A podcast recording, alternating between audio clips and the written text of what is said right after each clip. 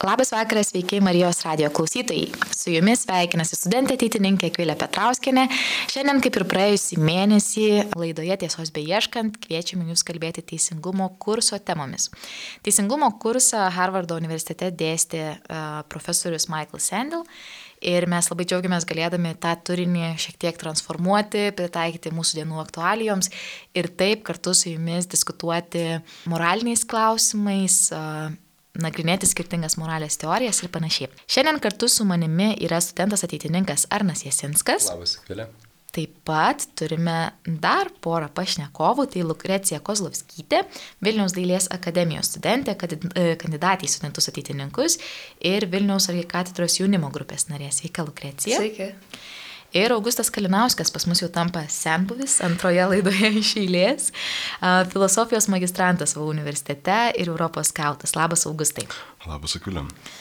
Praėjusį kartą kalbėjome apie tai, ar yra tam tikrų situacijų, kuriuose būtų galima pateisinti asmens nužudimą ar kažkokį kitokį jo nuskriaudimą, jeigu tai galėtų išgelbėti keletos kitų žmonių gyvybės. Ir apie tai diskutuojant e, iš jūsų atsakymų iškilo tokios dvi pagrindinės filosofinės rovės. Tai buvo toks utilitarizmas ir e, pasiekmių teorija, konsekvencializmas, e, kurios labai nagrinėjo, na, gal yra kažkokios taisyklės, kažkokios apibrieštys, kaip mes galėtume nagrinėti, kada vieni dalykai yra teisingi arba neteisingi, nes negryzdami savęs vien tik kažkokiu vidiniu jausmu ir neapsiribodami klaidomis kylančiamis iš to. Šiandien tęsime tai ir labiau nagrinėsime, e, praėjusį kartą skaičiu, populiaresnį šiek tiek gal šaką, tai tą utilitarizmą, kuris sako, kad visada reikėtų įvertinti, kokios yra pasiekmes. Ir nėra taip, kad melas visada yra blogai arba kad kažkoks, nežinau, skausmo sukelimas visada yra blogai, kad gali būti tam tikrų išimčių, kai įvertinus pasiekmes, na, gali būti verta paukoti tą kažkokį gėrį ar mūsų saugomą vertybę vien dėl to, kad didesniai daliai žmonių, didesniam kiekiu žmonių būtų saugiau, geriau ir kad na jie pasiektų tą gėrį. Tai tam geriausiai buvo pavyzdžiai su traukiniu važiuojančiu bėgiais ir jeigu jis keliauja į penkis darbininkus ar nusuktumėte traukinį, kad jis vėl to vieną partrenktų vietoj penkių ir nu, mes tokių. Vienose situacijose atrodė labai akivaizdu, kad lengva priimti, kad na vis dėlto skaičius gali nulemti, kitose atrodė, kad uh, tam tikros sąlygos ar aplinkybės gali ganėtinai pakeisti nuomonę ir um, daugiau dviejonių kėlė. Šį kartą kaip tik savo socialiniuose tinkluose iš anksto uždavėme klausimą. Jeigu nematėte, tai socialinėme tinkle Facebook kviečiame įsijungti ateitininkų federacijos puslapį. Ir ten yra užduotas klausimas, uh, vienos iš situacijų, kurias šiandien nagrinėjame apimtyje, tai situacija būtų tokia. Įsivaizduokite, kad 2001 e, metai esate JAV asmuo atsakingas už terorizmo rizikų ir grėsmių įvertinimą ir sužinote apie galimą teroristinį išpolį. Rugsėjo 10, rugsėjo 11 išvakarės, tuo metu dar niekas nežinojo, kas tiksliai galėtų atsitikti, bet, na, lyg ir sklandė gandų, kad galėtų būti teroristinis išpolis. Ir Įsivaizduokite, kad jūsų rankas pakliūna įtariamasis, kuris gali turėti duomenų apie tą išpolį. Tačiau jis nekalba, jis nepasidalina jokia informacija ir nieko nenori jums atskleisti. Ir ar pateisintumėte tokio asmens kankinimą tam, kad būtų išgauta informacija? Tam, kad galėtumėte užkirsti kelią teroristiniam išpoliui, kuris šiandien žinom, kad jau beveik na, atėmė beveik 3000 gyvybių, tačiau tuo metu tai buvo tik įtarimas. Tai ar esant įtarimui dėl didelės grėsmės galėtų būti paminta asmens laisvė į kūno neliečiamumą, asmens, na tiesiog bendras skausmo nesukelimo vertybinis aspektas? Tai šis klausimas yra užduotas socialinėme tinkle Facebook, ateitininkų federacijos puslapyje. Aptarsim ir daugiau praktinių situacijų. Aš jau matau, kad po mano pristatytos uh, terorizmo informa... uh, situacijos jau truputėlį susimastė veidai čia sėdi, tai iš tikrųjų galim gal ir nerti į visą tai. Tai kaip ir minėjau praėjusį kartą, kai diskutavom, iškilo ta tokia mintis, kad, na, Kartais galbūt yra visai lengva e, skaičiais pabandyti kai kurias situacijas pateisinti savo sprendimus, kurie gal vertybiškai atrodo ne visai pritartų mūsų e, pasirinkimams šiaip įprastose, kasdienėse, nekritinėse situacijose. Ir per tai perėjom prie to, kad viena iš uh, moralės uh, filosofijos, tokių kaip ir sričių, utilitarizmas, kalba apie tai, kad um, poelgiai turėtų būti vertinami tik pagal jų pasiekmes. Todėl ar melavimas, ar žudimas, ar kiti dažniausiai smerkiami veiksmai galėtų būti laikomi moraliais, jeigu jie galiausiai atneša daugiau laimės nei kančios. Kitaip sakant, buvo laikomasi principu, kad e, gėris yra viskas, kas atneša daugiau laimės didžiausiam žmonių skaičiui. Kitaip sakant, labai taip matematiškai galėtume įvertinti ir pasižiūrėti. Tai klausytojų kviečiame tai praktiniai situacijai apie mm, rugsėjo 11 atsakyti socialinėme tinkle Facebook ateitininkų federacijos puslapyje, o mes kol kas prieisim prie šios situacijos per mažesnius ir paprastesnius pavyzdžius. Vienas iš tokių pavyzdžių būtų Čekijos akcizo uh, tabako gaminiams didinimo situacija. Uh, įvykis ganėtinai senas, bet truputėlį pristatysiu. Uh, Čekijoje apie 2000-1999 metus sveikatos ministerija ir vyriausybė pradėjo kelti labai daug klausimų apie tai, kad reikėtų didinti akcizą tabako gaminiams, nes jie paskaičiavo, kad valstybės biudžetas dėl ankstyvų mirčių ir lygų sukeltų rūkimo kasmet patiria apie 373 milijonų dolerių nuostolį kad maždaug visas gydimas lygų, mokesčiai, kurių negauna dėl ankstyvesnių negu turėtų būti mirtis ir panašiai, labai labai daug kainuoja. Ir buvo iškeltas siūlymas, kad reikėtų didinti akcizą, taip mažinant prieinamumą ir tai galėtų padėti spręsti problemą. Ir tai buvo laikoma kaip geris, nes, na, įsivaizduokit, 373 milijonai, ar ne? Per, nu, tai yra tikrai didelis biudžetas, kuris galėtų būti skiriamas geresniam švietimui, geresniam keliam, dar kažkam, o dabar dėl kažkieno žalingų įpročių turim tuos pinigus skirti nu, va, jų gydimui, kurie, galim skaityti, vos ne patys kaltinės, juk net patys pasirinko tokį žalingą e, įprotį. Kaip manot, ar teisinga būtų didinti akcizą rūkantiems, remiantis būtent tokiu argumentu, kad, na, padidėja jų sveikatos priežiūros kaštai, o tai yra nesažininga kitų atžvilgių?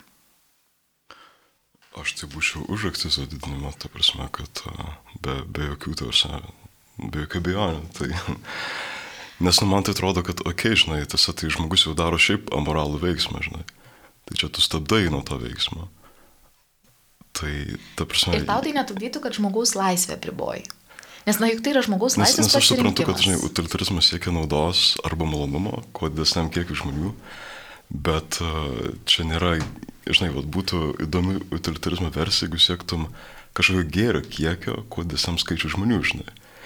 O čia žmogus ir taip, ne, savo daro kažką tai blogo, tai čia nėra kažkaip tai moralu, kad tu jam leidai daryti kažką tai savo blogo, žinai. Tai, tai... Na, bet žinai, tada mes galėtume sakyti, ir kava nėra labai teisinga, tai gal kavos mokestį didinkime, televizija nėra labai teisinga. Telefono vaira, naudojimas vairuojant yra neteisinga, tai gal uždrauskim iš vis telefonus. Uh, pereikim prie, nežinau, laidinių, kad e, nekiltų pavojaus eismo įvykiuose ir panašiai. Jo, tai žinai, tas ribas labai sunku iš, išvesti, žinai, vietoj kavos galima mačą arbatą gerti, žinai, kuri turi daug, daug kofeino, žinai, bet, e, bet, nu, žinai, visa, aišku, kad yra kažkokia gradacija, bet čia yra labai aiškiai veiksmai, kurie yra, nu, patys iš savęs arti šimto procentų blogi, žinai, galima ir kitų būdų surasti, nusiraminti, žinai, galima įti pabėgauti ir panašiai. Tai turbūt yra skirtumas tarp tų tarpinių variantų ir tų tokių, žinai, radikaliai išreikštų variantų. Aš jei galėčiau kvėliai į tavo klausimą šiek tiek e, sureaguoti, tai e, didinti kaštus, didinti akcizą rūkantiems žmonėms. Aš, aš sakyčiau, kad tai nėra rūkantiems žmonėms tiesiogiai, o žmonėms, kurie perka tabako gaminius, kas yra du skirtingi dalykai. Nėra taip, kad valstybė įsiverštų tai namus ir klaustų tavęs, ar tu rūkai ar ne, ir tada tau uždėna mokestį. Na, tu pats žinai, prisiduodi, galima. Čia jau šiek tiek toks iššvečiuojamas, nes kiek žinai žmonių, kurie nerūko, bet perka bet, tabako gaminius. Taip, būtent. Ir tai geriausias būdas sužinoti, kas iš tiesų rūko, nes kaip čia žmogus balsuoja piniginė dažnai, kaip sakoma. Lukrecija, kaip tau akcizas, rūkimas, ar yra teisinga, kad kažkokią grupę taip nežinau, truputėlį ignoruoti ar disk... net galėtume sakyti diskriminuoti, nes, na, juk jų laisvė, jų pasirinkimas, jie ką nori, tą daro su savo kūnu. Man kažkaip intuityviai toks irgi, kaip Augustui kilo, kad visai ir protinga tam tikrom situacijom būtų, e, nes jeigu tie įpročiai tikrai labai kenkia ir, ir bendram geriui, ir tuo labiau pinigų klausimas čia iškyla ir kitiems žmonėms, ir pačiam žmogui, tai tikrai būtų, manau, verta tai daryti.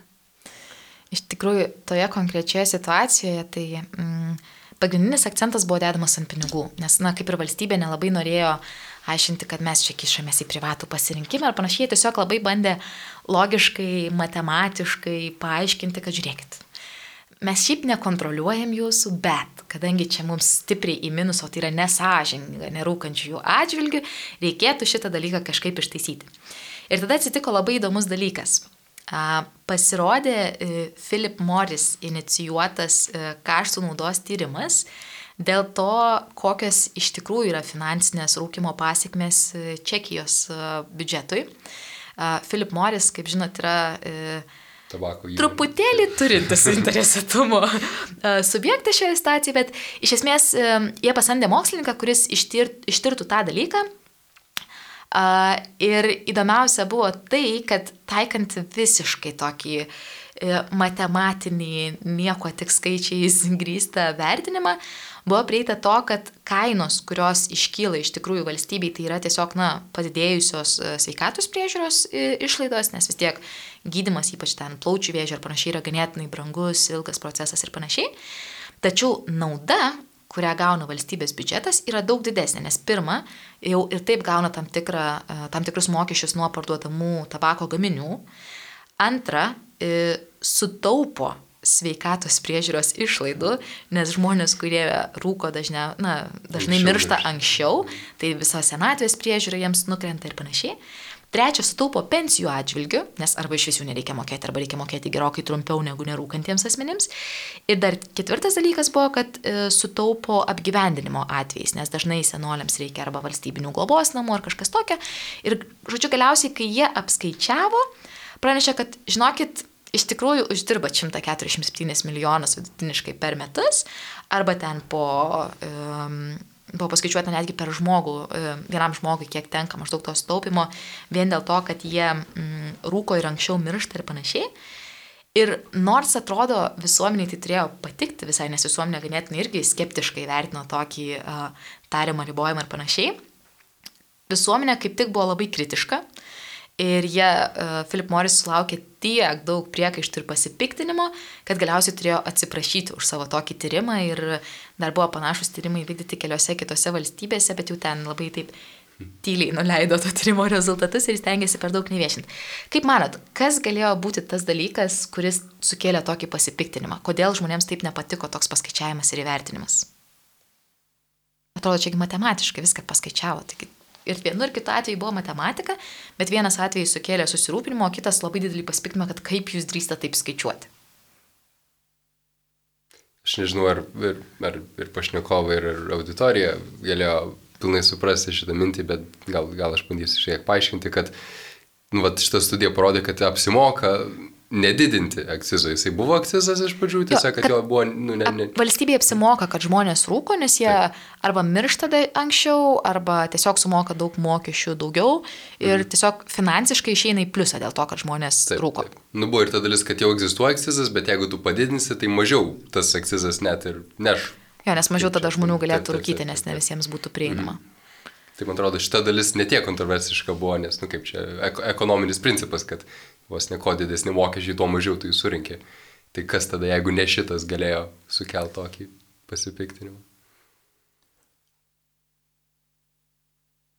Ar turit minčių? Tik minti, kad žmonės pasipiktino iš to tyrimo, ne? Taip, kad, jie labai kad... labai supyko, kad iš vis toks mhm. tyrimas buvo, kad, ta prasme, kai taip drįso vertinti ir skaičiuoti. Bet čia tikrai labai ciniškai, jeigu Philip Morris pas, patys pasakė, kad nu, valstybė apsimoka, kad jūs... Iš tikrųjų, tai buvo ne? pirmas atvejis, kai jie pripažino, kad rūkimas gali įtakoti, daryti įtaką mirtingumui. Ir jiems iš tikrųjų apsimokėjo tai padaryti, aš nes tyrimas buvo antiek jiems palankus. Aš spontaniškai pagalvoju iš politikos filosofijos, čia panigė Hobso mintį, kuris sakė, kad žmogus siekia išlaikyti savo gyvybę, reiškia, kuo ilgiau ir visomis įmanomis sąlygomis. Tai čia reiškia, valstybė eina link to, žinai, kad apsimoka neišlaikyti žmogaus gyvybės. Tai čia kažkas labai naujo galėtų būti politikos filosofijoje. Bet uh, kodėl žmonės pasipiktina, tai labai suprantama, kad kodėl pasipiktina šis visiškas cinizmas yra, ta prasme. Kad ap, apsimoka pardavinėti, žinai, ir apsimoka valstybei. Tai tau labiausiai tai, kad valstybė galėtų būti suinteresuota mirtimi. Nu ir pats verslas, ta prasme, nes, pavyzdžiui, nu, aš gyvenau keletą metų Vokietijoje, man buvo labai keista, kur matau, Vokietija yra vos ne vienintelė šalis Europoje, kur tiesiog yra cigarečių reklama, žinai. Ir kur tu važiuoji, žinai, visur ten yra cigaretės ir kaip faina, žinai, rūkyti ir kaip, žinai, vos ne yra attractive ir panašiai, žinai, vad, kad žmogus rūkantis. Tai, tai ja, tas, tas didelių korporacijų toksinizmas, tai, tai aišku, labai, man atrodo, savai mes suprantame. Tai. Mm. A, taip, aš, man irgi kažkaip kyla toks, kad tada žmonės atrodo žiūri kaip į kokį statistinį vienetą, kurį gali išnaudoti dėl pinigų, o ne kaip į asmenį, kurį, kuris turi savo vertę iš esmės dėl to, kad jis yra žmogus. Va čia labai gerai pasakai žmogaus vertė. Pagrindinis dalykas, kuris buvo keltas visuomenėje, kad negali būti, kad visi minusai, kuriuos parašai, tai tiesiog negauti mokesčiai arba padidėjusios ten, žinai, gydimo išlaidos. O kur tai, kokią moralinę žalą sukelia, kokį skausmą artimiesiems ir panašiai. Visi tie dalykai buvo tie, kurie, žinai, kėlė daugiausiai pasipiktinimo visuomenėje, vien dėl to, kad taigi žmogaus gyvybė nu, negali būti taip pigiai įvertinta. Ir čia atsirado tokios dvi skirtingos nuomonės, kur vieni teigia, kad iš viso žmogaus gyvybė negali būti e, įvertinta, kiti, kad jinai negali būti įvertinta taip uh, pigiai, nes šituo atveju tiesiog nebuvo jokio skaičiaus užrašyta. Ir iš tikrųjų um, į tai atsižvelgia kai kurie tyrėjai ir panašiai, ir ypač uh, bandant aiškinti per tą naudos um, ir kainos kaštų prizmę, buvo labai bandyta įsivertinti, tai ar iš tikrųjų galima uždėti kainą žmogaus gyvybei. Nes iš tikrųjų kai kuriais atvejais ypač žiūrint iš verslo pusės, nu, tu esi tarsi priverstas tą padaryti tam, kad galėtum įvertinti naudos ir žalos tą santykiai. Man tai pirmintis, kurie ateina, tai, tai verslas, žinai, ir ieško žmogiškųjų išteklių, žinai, tai man tiesiog tas, tai filosofiškai žiūrint, kartais ant, eini per vaužnį ir parašyta human resources. Mhm. Tai vien jau tas, na, kaip tu pavadini, tai iš esmės tu ir... Turi kuris teigi tą tikrovę, žinai. Tai... Man irgi būdavo taip dažnai, kad arba žmogiškieji resursai, arba žmogiškieji mm. ištekliai ir aš dažnai net nesusimastydavau apie šitą terminą, bet po to irgi man atkreipė, kad šežė. Mm. Komanda, savanoriai, dar, bet ne žmogiškiai resursai, nes tai skamba tas pats, kad, žinai, padarom inventorizaciją, kiek pieštukų pas mus liko mm, sandėly. Ir kokia kokybė jų. jo, kokia kokybė. O šitas dar šiek tiek žiūresnis. Jo, bet e, iš tikrųjų, va, ir čia, žinai, iš to situacijos iškilo, kad, nu, negali įvertinti žmogaus gyvybės. Ir buvo kitas atvejis, irgi tokia ganėtinai praktiška situacija, e, reali situacija, kuri įvyko, kur e, vienas verslas įvertino, kiek yra verta žmogaus gyvybė ir e, reakcija jų įvertinimo irgi buvo tokia savotiška. Taip, tarkim, tai atvejis ganėtinai senas, nes tai vyko apie 1970-uosius, šiais laikais truputėlį e, man atrodo, mažiau tokių skandalų išeina į viešumą, bet esmė buvo, kad um, automobilių kompanija Ford uh, turėjo automobilio um, modelį Ford Pinto, toks gan nedidelis automobilis, jis ganėtinai populiarus buvo ir visa kita, e, nes patogus ir taip toliau, tačiau turėjo vieną problemą. Kuro bakas buvo automobilio gale Ir tais retais atvejais, jeigu automobilis patekdavo į avariją, kur patirdavo smūgį gale, o ne priekyje, ne kaktomušas susimuždavo, o į galą, e, kuro bakas sprogdavo. Tų atvejų nebuvo tiek daug, bet jų pasitaikė. Ir dalis žmonių, kurie pateko į tokias avarijas dėl to kuro bako sprogimo žuvo, dalis buvo sužaloti. Na, žodžiu, keltis vartotojų kreipėsi su ieškiniu į teismą. Ir proceso metu paaiškėjo, kad gamintojas žinojo apie šį trūkumą. Ir negana to, kad žinojo, jie atliko naudos ir kaštų skaičiavimus ir nusprendė nesimti priemonių taisymo darbams. Nes jie paskaičiavo, kad reikėtų uždėti vieną papildomą skydą, kad šita problema nekeltų pavojų žmogaus gyvybei. Ta viena detalė, kurią reikėtų įdėti tarp skydo, tarp ten, nežinau, bako ir, ir vidinių kažkokių dalių automobilio, e, jinai kainavo apie 11 dolerių, kas yra žiauriai jokinga suma, bet tų automobilių jau buvo pagaminta 12,5 milijonų. Ir jie paskaičiavo, kad jiems gautųsi apie 137 milijonus, norint na, pataisyti tą saugumo aspektą ir e, iš tikrųjų ištaisyti viską, kad nekiltų grėsmės.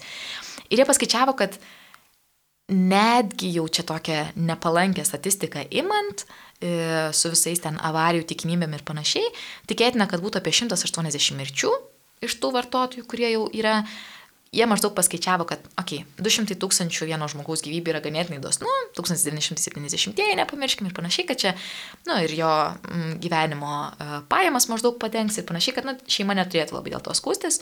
Paskaičiavo, kad panašiai yra apie 180 sužeistų galėtų būti, jiems mažiau, ten apie 67 tūkstančius eurų, e, dolerių paskaičiavo.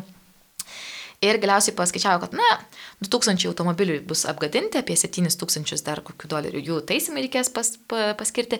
Ir galiausiai gavo nepilnus 50 milijonų, kurie būtų padengti, žinai, tiems nuostoliams padarytiems prieš 140 milijonų, kuriuos kainuotų pataisyti. Ir jie tiesiog pasižiūrėjo, kad skirtumas yra be net trigubas ir tiesiog neapsimoka taisyti tokio dalyko, nes žala, kurią sukeltų, yra ganėtinai menka. Ir šiuo atveju e, buvo nutekinti šitie skaičiavimai, tai galite įsivaizduoti, kad kai jie pateik, pasiekė teismo posėdį, tai buvo labai nelaimingi ir nepatenkinti ir supykę žmonės, kurie tai išgirdo. Ir e, tas teismo posėdis baigės tuo, kad turėjo um, didelės labai sumas išmokėti e, asmenims, kurie kreipėsi. Bet va čia ir kilo tokia, toks klausimas, ar ne? Atrodo, kitose situacijose, kur žiūrėjom, tarkim, bėgi, ar ne, penki asmenys ar vienas asmo, yra labai lengva skaičiai įsivertinti. O čia mes irgi turim žmogaus gyvybės klausimą, bet jau staiga jį įvertinti yra labai sunku. Tai ar šitas pavyzdys iš esmės paneigtų totalitarizmo visą esmę, prasme ir įrodytų, kad tai yra visiškai klaidingas būdas įvertinti, kas teisinga ar ne? Ar gal čia kažkoks kitas niuansas, ką jie neteisingai padarė, neteisingai įvertino? Iš esmės, akvilės klausimas apie tai, ar kai mes praeitus kartus lyginom skaičius tarp žmonių gyvybių, tai buvo pakankamai lengva įvertinti utilitarizmo utilit, šitą naudą. O šiuo atveju, kai dabar mes lyginam žmogų, žmonių skaičius, bet piniginę išraišką, ar tai jau neišeina padaryti? Man tai atrodo, žinai, čia tiesiog truputį kitaip pasuktas utilitarizmas į tokį ekonomizmą, žinai, kad tu paėgi tiesiog rinkos logikai, žinai, kiek apsimoka ar neapsimoka rinkoje, bet uh, man vien ta, žinai, kad tu gali kažkokią priskirti skaitinę reikšmę žmogaus gyvybė, žinai. O, pavyzdžiui, kitoje ekonominėje situacijoje gali kitą skaitinę vertę priskirti, žinai, ir tada, žinai, toks gaunasi, žinai, kad visiškai nuo konteksto priklauso tas žmogus gyvybė. Bet viskas priklauso nuo konteksto. Ta prasme, ar tu gyveni Europoje, ar tu gyveni Afrikoje, pragyvenimo lygis labai skiriasi, uždarbio tai, galimybės ir panašiai. Tik, tik, tik tai kontekstas niekada nepriklauso nuo konteksto. Nu, visada, visada, visada yra kontekstas, žinai. Tai, tai tam tikri dalykai visada yra tam tikros duotybės, žinai. Bet... Jo, bet tai tavo pagrindinis e, tada trukdys yra tai, kad iš viso buvo priskirta e, vertė žmogaus gyvybei. Ja, nežinai, atrodo, nu, čia aš gal banaliai skamba, bet kažką, kažką, ko negalima išmatuoti, matai pamatuoti. Bet aš labai panašiai, žinai, su morale teisingumu, nu, arba jie yra, arba jų nėra, žinai. Arba tu vertini žmogaus gyvybę, arba ne, nes, žinai, aš vertinu žmogaus gyvybę, žinai, ten jeigu tik tai, žinai, viršė šimtą tūkstančių, žinai, visą tai, nu, skamba tai baisiai, bet tai, tai sakau, tai man atrodo, nu, arba tu priskiri tam, žinai, absoliučią vertę, arba ne, žinai. Tai, tai aš taip sakyčiau. Ir aišku, neskaitinė išraiška. Tai sakai, kad šituo atveju nepavyktų niekaip skaitinės Nes nu, dažnai, ta prasme, pagalvokim, žinai, ir teismo kokiuose procesuose, kai tau reikia įvertinti uh, žalą padarytą sveikatai ar panašiai. Bet, bet, bet, jeigu nori priskirti skait, skaitinį iš, išraišką, tai, pažiūrėk, nu, kiek tu save pati vertini, žinai. Nu, prasme, nu, kiek save vertini? Man reikėtų įvertinti savo uždarbio galimybės per gyvenimą, um, nu, savo, žinai, aš moteris, man reiktų įvertinti savo vaisingo amžiaus trukmę ir kiek vaikų planuojam ir panašiai. Nu, daug tokių yra dedamųjų detalių, bet e, aš neskaičiu, kad neįmanoma apskaičiuoti. Tai yra kompleksiška, tai yra sudėtinga, bet nes pagalvoju, kad yra tokių situacijų, kur tu neišvengiamai turėtum nu, paskaičiuoti tam tikrus dalykus. Mm, pavyzdžiui. Nu, sakau, tas pats sveikatos sužalojimas, ar ne? Mm. Nu, draudimas, ne? Kai, kai draudimas, tiek draudimas, tiek, nu, pavyzdžiui, nežinau, jeigu būtų uh, darbė dėl darbdavio ne, neatsakingo elgesio, ar nesužalotam, tu turi paskaičiuoti, kokia yra žala, įvertinti jos vertę. Tai tada tu irgi vertini darbą. Tu skaičiuoji žalą dėl to, kad tu manai, kad tas dalykas vertingas, žinai. Tu, mm. savo, tu pirmą turi kažkokį principą, kuris yra visai toks absoliutus ir jau tada tu skaičiuoji skaitinę vertę, žinai. Bet jeigu tas dalykas būtų tik tai skaitinė vertė, žinai, ir tu skaitiniai vertai, turbūt neskaičiuotum, žinai, skaitinės vertės, jeigu apskritai tas dalykas nebūtų vertingas arba skaitiškai būtų mažai vertingas, žinai. Tai... Mhm. Tai man atrodo, kad tu turi tą dalyką vertinti, kad taip skaičiuotum. Tai... Lukrecija, kaip tau atrodo, ar įmanoma įdėti skaičius, ar čia yra vis dėlto tokia aplinkybė, kur niekada negalėtum dėti skaičių, nes tai yra tiesiog absoliutu ir tas su, su mašinom ta situacija, taip. taip. Nu, man kažkaip atrodė, kad kaip atsakingo verslo pareiga yra visų pirma užtikrinti apsaugą žmogaus gyvybei. Kaip, kaip, kaip galima geriau, kaip jie gali savo ištekliais ir išgalėmis padaryti, stengtis tai daryti. Tai man kažkaip atrodo. Bet žinai, tada jokio automobilio niekada neturėtum išleisti. Nes, ta prasme, jokia nėra automobilio, kuris šimtų procentų užtikrina, kad patekęs į avariją tu būsi saugus. Tai va tas aspektas, kurį paminėjau, kaip tik jie gali savo išgalėmis tai padaryti. Tai kad ir, kad ir jiems būtų brangiau įdėti ten tuos, tą papildomą detalę, vis tiek tai būtų, manau, atsakingiau ir dariau daryti negu apleisti. Bet, o kur tiesiog. tada yra ta riba? Nes e, visi automobiliai, jie atlieka savo tuos saugumo testus, ar ne, ir yra e, įvertinama, kokios ten yra rizikos ir panašiai, bet jie nei vienas nėra absoliutus. Ir visada yra, ką tu galėtum patobulinti, padaryti geriau, nežinau, neprašaunamus stiklus turėti, kad ten avarijos atveju kitaip duštų ar panašiai. Tai kur yra ta riba, kur jis dar turi pareigą tą padaryti, o kur jau jisai turi įvertinti, kad pirkėjai būtų įkandama, kad iš vis turėtum su kuo nuvažiuoti iki darbo? Nu, tai pagal išgalės, man atrodo, ir pagal konkretų, konkretų kontekstą, nes kadangi, na, nu, kiek jie tų lėšų padaryti turi, kartais gali atrodyti, kad net ne, neapsimoka pradėti daryti to, nežinau, automobilio apskritai, jeigu jis bus toks nesaugus, kad žmonėm tiesiog Nu, nu, bet žinai, jie, šituo atveju jie pardavė 12,5 milijonų automobilių ir buvo tikėtina, kad bus 180 mirčių, 180 sužeidimų. Iš 12,5 milijonų 360 žmonių bus neigiamai kažkaip paveikti. Nu, procentas yra tikrai ganėtinai mažas, atrodo, kad na, ta tikimybė, tai man tada, va, žinai, labai yra sunku suprasti, tai kur va, jau yra ta tikimybė, ta kažkokia riba, kur, kur va, priežiam griežtai, kad čia jūs turėtų užtikrinti jeigu jie, nu, kažkaip tas, jeigu jie galėtų, kad ir tą 180 gyvybių išgelbėti, man atrodo, jie turėtų. Jeigu jie neišgalėtų, yra kitas klausimas. Jeigu čia jau paskaičiuoji, kur ten pinigai ar gyvybė, visada, manau, vertėtų rinktis gyvybę, ne pinigus. Man atrodo, Fordas net ir 70-aisiais buvo pakankamai pelninga įmonė, kuri galėjo galbūt suleisti tą.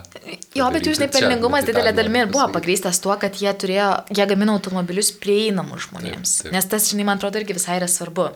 Tai šituo atveju, ką aš iš jūsų to tokio pokalbio girdžiu šiek tiek, kad, e, sakot, yra tam tikros vertybės, kurios negalėtų būti paukotos vien dėl kažkokios didesnės naudos, ar ne? Ir tarkim, šiuo atveju žmogaus gyvybė įvertinam kaip tokią didesnę vertybę, kuri na, negalėtų būti paukota vardan kažkokio didesnio tikslo. Nors čia vėl irgi, jeigu lygintume šiek tiek su traukinio situacija, kurią praeitą kartą dėliojom, tai tada jau atrodo, kad praeitą kartą lengviau buvo paukoti vieną gyvybę vardan, tarkim, penkių išgelbėjimų ir panašiai. Čia jo, kai su pinigai šiek tiek, tai e, jau netaip patogu tą vertinti. Ir iš tikrųjų, e, vienas psichologas e, Amerikoje e, bandė įrodyti, kad įmanoma įvertinti pinigais tam tikrus nepatogumus ar diskomfortą, kurį gali, būti, kurį gali patirti žmogus. Ir jisai irgi vat, būtent bandė įrodyti, kad yra galimybės e, objektyviai apskaičiuoti, um, kada naudos ir tos kainos santykis yra toksai, kad, na, yra teisinga pasirinkti kažkurį variantą, kuris didesnį žmonių grupiai yra geresnis. Ir iš tikrųjų tai buvo labai labai seniai atliktas tyrimas, nes, na, tuo metu buvo didesnis susidomėjimas šią temą. Tai jis buvo atliktas 1930-aisiais, tai čia jau labai, labai, labai seniai, jau beveik šimtas metų praėjo. Bet um, jis tiesiog man buvo labai uh, įdomus ir keistas, tai dėl to norėjau truputėlį pasidalinti su jumis. Um, to tyrimo metu mm, žmonėms buvo, jauniems žmonėms buvo pateikta nemalonių patirčių sąrašas ir jų buvo paprašyta įvertinti, už kiek pinigų jie sutiktų patirti tą nemalonę patirtį. Ir tai buvo bandyta įvertinti, ar yra kažkoks bent panašus apibrieštas skaičius, uh, už kokią sumą žmonės sutiktų tam tikrus dalykus padaryti. Ir taip siekia būtent įvertinti, ar kažkokios gerybės, vertybės, nemalonės patirtis įmanomos iš vis įvertinti pagal vieną matavimo priemonę. Ir čia ir bandė būtent įrodyti, kad, na, pinigais būtų galima tą padaryti. Tai patirtys buvo e, daugiau ten jau įvardinta, bet gal tos penkios, kurios e, man visai paliko įspūdį, tai e, kiek reikėtų sumokėti, kad sutiktum, kad tau išrautų priekinį virštinį dantį, Čia su skausmu susijusi patirtis. O čia kaip po to įdedat gal ir jau visai. Jau visai, visai čia, tai, žinai, seni laikai implantacijos dar nebuvo. Tada, kiek reikėtų sumokėti, kad sutiktum, kad tau nupjautų vieną mažą į kojos pirštelį?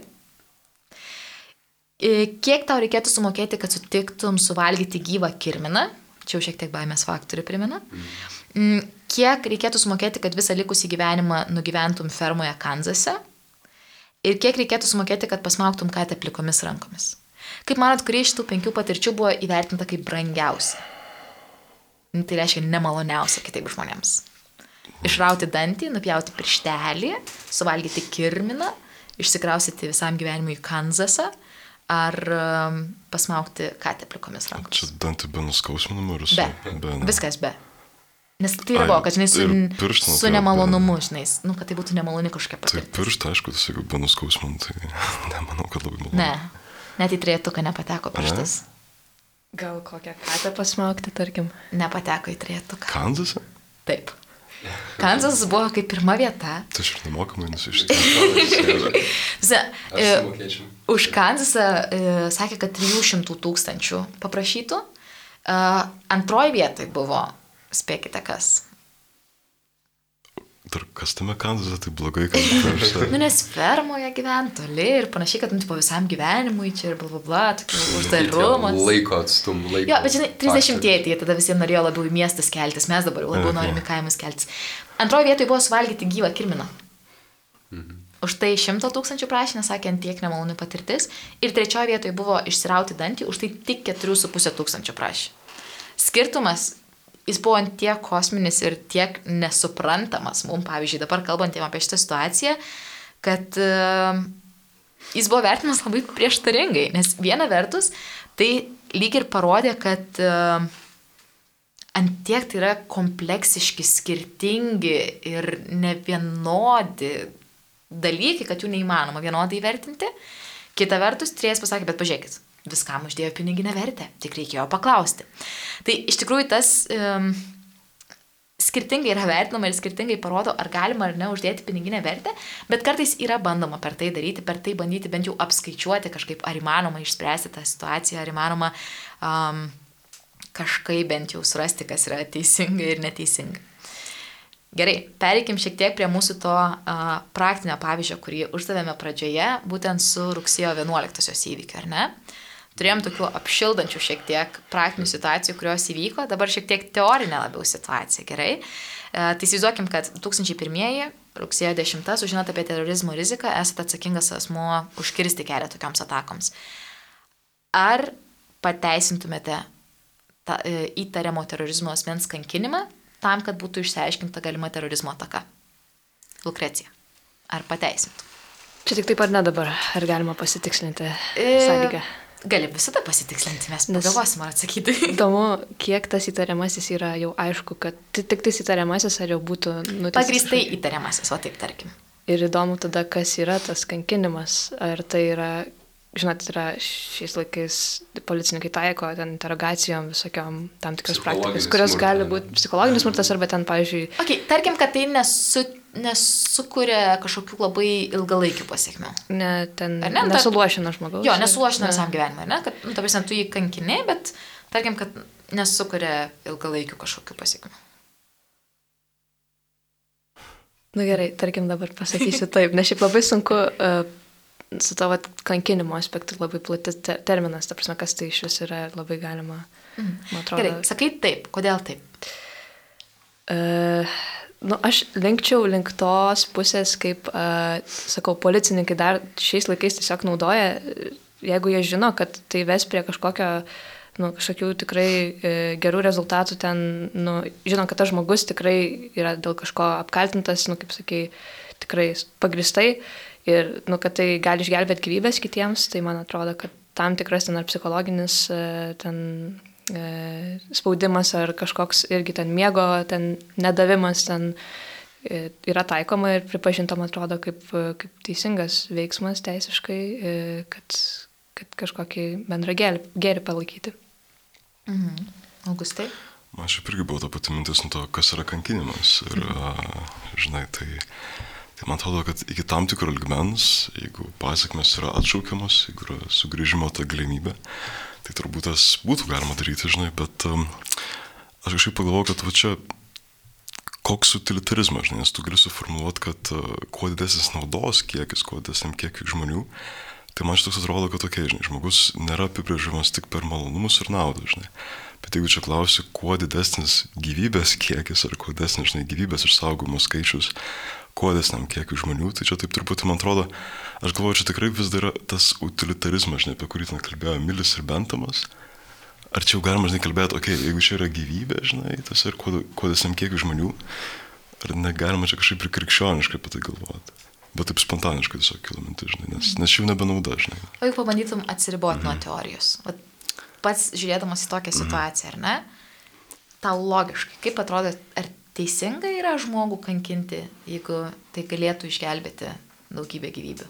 Nu, iki tam tikros ribos, aš sakau, nu, turbūt gali būti kažkiek humaniškesni būdai, žinai, kankinimo. Ta Bet, žinai, laikas spaudžia. Gyvybių, tai... ta prasme, kaba keli tūkstančiai gyvybių, kur tu žinai, kad bus išpolis nežinai kur. Man pats tavo pasakymas humaniški, humaniškesni būdai kankinti, kaip oksimoronas skamba. Taip, žinai, aš suprantu, bet žinai, va čia vėl, vėl yra laipsnio klausimas, žinai, yra, yra rūkimas, yra kava, žinai, aišku, yra kava ir rūkimas, žinai, tiesa, bet uh, gali būti, um,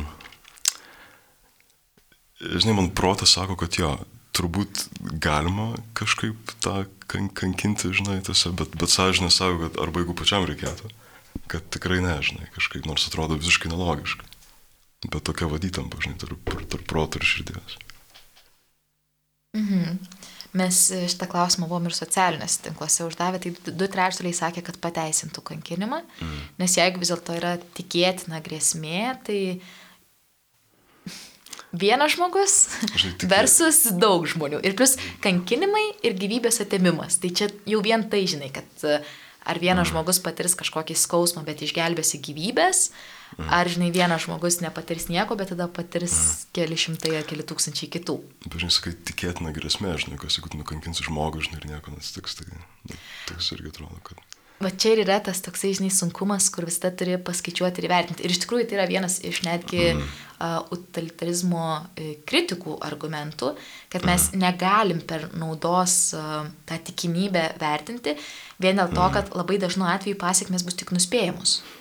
Kai kuriais atvejais netgi tam tikri jau įvykę įvykiai, jų pasiekmes bus tik nuspėjamos, nes e, yra trumpalaikės pasiekmes, ilgalaikės pasiekmes ir pavyzdžiui, nežinau, atominės elektrinės sprogimą galėtume sakyti, kad, nu, come on, nėra čia jokių teigiamų dalykų, bet jeigu tai vėliau politikoje kažkokių turėjo labai reikšmingų pokščių, dėl kurių buvo sustiprinti saugumo kažkokie reikalavimai ir panašiai, kurie visame pasaulyje užtikrino saugumą, uh, tada gali pradėti vertinti, kad gal, gal vis dėlto turėjo daugiau teigiamų pasiekmių šitas įvykis negu neigiamų. Ir va čia atsiranda irgi toks įsukumas, kad nu, labai tenka nuspėti pasiekmes. Ir labai dažnu atveju mums netgi ir realiai, kai mes turim kažką įvertinti, ar elgesys bus teisingas ar ne, jeigu neturim griežto tokio iš ankstinio nusistatymo, kad šitą elgesį aš niekada jokiose situacijose nepateisinu ir bandom pagal tai įvertinti, kokios bus pasiekmes, iš tikrųjų gali būti labai sunku, nes nu, mes dėl pasiekmių labai labai retai galim kada būti šimtų procentų užtikrinti. Čia apie pasiekmes aš, aš prisiminiau vieną pavyzdį, kurį išgirdau iš netikinčio, nesutikėjimo nesusijusio žmogaus, kuris gal net save tam tikrą prasme utilitaristų pavadintų, bet jisai sako tokį pavyzdį, tokį eksperimentą, kad įsivaizduokime, kad ar gydytojas turi pacientą, kuris serga sunkia lyga ir turi vaistą, kuris 99 procentų tikimybę išgydytų tą, tą pacientą ir 1 procentų tikimybę dar labiau suluošintų. Ir turi kitą vaistą, vaistą B, kuris turi atvirkščiai 1 procentų tikimybę, kad išgydytų tą žmogų, o, o, o 99 kad suluošintų. Ir gydytojas specialiai pasirenka skirti vaistą B, kuris, kuris, kuris, kuris suluošintų, nežinau dėl kažkokių priežasčių, gal, gal skolingas buvo pinigų. Ir Ir tada išeina, kad tas vaistas e, pagydo tą žmogų. Taip išrideno tą tikimybę, kad vieną procentą. E, nu, išeina, kad iš tiesų pagydo tą žmogų.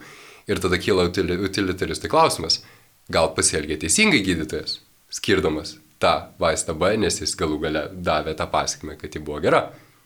Bet tai jūs norėjo, žinai, nepagydyti, bet atvirkščiai tai čia. Bet, jo, yra, bet čia irgi yra vienas, vienas iš totalitarizmo kritikų uh, argumentų, kad motyvai irgi yra svarbus, kad uh, pasiekmes nebūtinai bus tokios, kokiu tu jų iš tikrųjų siekiai. Ir vien dėl to, kad tu kažkokį atlikai su bloga intencija dalyką, bet netyčia atsitiko gerai, nepadaro tavo elgesio nei altruistiniu, nei geru, nei doru, nei dar kažkas tokio. Bet utilitarizmas to nepriskaičiuoja, jisai tiesiog sako, kad kokie rezultatai ir, ir kaip įvyko. Tai. Jo, šiaip skirtingos šakos e, nagrinėja šitą klausimą, šiek tiek ir bando jį išsiaiškinti, kad uh, vis tiek vertina kaip asmeninį tokį kaip ir gydą, kad tu nu, per savo asmeninę prizmę turi įvertinti ir pasirinkti, kas teisinga, neteisinga. Ir kad jeigu žmogus renkasi iš kažkokių, nežinau, sadistinių, kenkiančių ar panašiai um, paskatų, tai jau eina prie žmogaus prigimti ir negalėtų būti teisinga iš esmės. Bet jo, čia toks jau labai mm, nukreipimas dar šiek tiek į tokius um, uh, lankas ir jau labai teorijas. Um, iš tikrųjų, šitas rugsėjo 11-osios pavyzdys, ar ne, teori, kad ir teorinis tuo kankinimu, bet jis labai atskleidžia daug probleminių aspektų. Kad dažnai, kai norim įvardinti, ar kažkas teisinga ar neteisinga, mums yra labai sunku vien dėl to, kad mes nežinom motyvų, nežinom tiksliai pasiekmių ir daugybės kitų dalykų, kurie tik dar labiau apsunkina uh, klausimą ir, ir, ir patį tą sprendimą, tai kas yra teisinga, o kas ne. Um, ir iš tiesų kitą kartą šiek tiek nagrinėsime e, COVID pandemijos buvusius ribojimus, ar ne, nes čia labai buvo geras Lukrecijos iškeltas klausimas, kur jau yra ta riba, kur dar tu privalai, o kur jau tikimybės ir, ir nauda yra mažesnės, kad, kad galėtum taikyti kažkokį ar tai ribojimą ar reikalavimą. Ir iš tikrųjų kyla tokių um, didelių klausimų, nes tai yra labai kompleksiniai dalykai. Atrodo, situacijose, kur turi pasirinkimą arba arba, yra labai lengva pasirinkti, nes, na, paprasta. yra du skaičiai, palyginti matematiškai gali išspręsti ir viskas. E, kai vertinam iš krikščioniškos pusės, vėl yra dar sudėtingesnis aspektas, kad mes turime įvertinti intenciją ir kiek tu savo aktyvių veiksmų darai ar nedarai kažkokį um, smerktiną veiksmą, ne, ne, neleistiną veiksmą ir panašiai. Tai um, kaip ir minėjom pirmoje laidoje, teisingumo kursas yra ir žavus, ir truputėlį erzinantis tuo, kad uh, nei vienoje laidoje negalėsim pateikti atsakymą, kad yra taip, vertinkit taip ir visada rasite tiesą ir būsite teisingi. Um, vien dėl to, kad um, filosofai moralės diskutavo šitais klausimais ne šimtą, ne du šimtus ir tikrai ne tris šimtus metų, gerokai ilgiau. Ir klausimų dažnai kyla daugiau negu atsakymų, bet tai tik parodo, kokie svarbus ir aktualūs yra šie klausimai. Gal dar kažkokį norit komentarą, kurio nespėjot išsakyti šios laidos tema paminėti? Matau susimastę žvilgsnį, galvoja, kad, oh, reikėjo ties COVID klausimais ateiti būtų įdomiau. Gerai. Tai primenu, kad šiandien laidą vedžiau studentė ateitininkė Ekvilė Petrauskinė, su manimi kartu studentas ateitininkas Arnas Jesinskas. Taip pat šiandien laidoje turėjome du pašnekovus, tai Lokrecija Kozlovskytė, Vilniaus dailės akademijos studentė, kandidatė į studentus ateitininkus, labai lauksim įžodžio, ir Vilniaus arkai katedros jaunimo e, grupės narė. Taip pat Augustas Kalinauskas, filosofijos magistrantas savo universitete, Europos skautas ir geras mūsų ateitininkų bičiulis, kurį visada džiaugiamės matydami savo renginiuose. Šiandien tęsime diskusijas teisingumo kurso temomis. Šį kartą jos buvo gal šiek tiek tokios sudėtingesnės, nes daugiau į teorinius aspektus nuklydom, tačiau mm, tikrai yra daug praktinių situacijų, kurias aptarnėsime ir toliau. Tad kviečiame sekti Ateitininkų federaciją Facebook puslapyje, kur galite išsakyti savo nuomonę ir savo pastebėjimus mūsų diskutuotą temą. Taip pat Kviečiam klausyti mūsų ir kitus kartus. Mes kiekvieną mėnesį, paskut, e, ketvirtąjį antradienį laidoje tiesos beieškant nagrinėsime teisingumo kurso temas. Jų yra ir gerokai daugiau, e, praktinių situacijų ir teorinių klausimų, kuriuose galim pasisverti savo teisingumo kompasą yra tikrai nemažai. Tad bandysime jas nagrinėti kartu tam, kad galėtume informuotai, išsamei ir ne tik emocijomis, tačiau ir tam tikrų protų išlavintų vertimų bandyti ieškoti, o kas yra teisinga, kas yra ne. Ačiū, kad klausėte, gražaus vakaro ir iki susitikimo kitose laidose. Sudėjau. Iki. Sudėjau.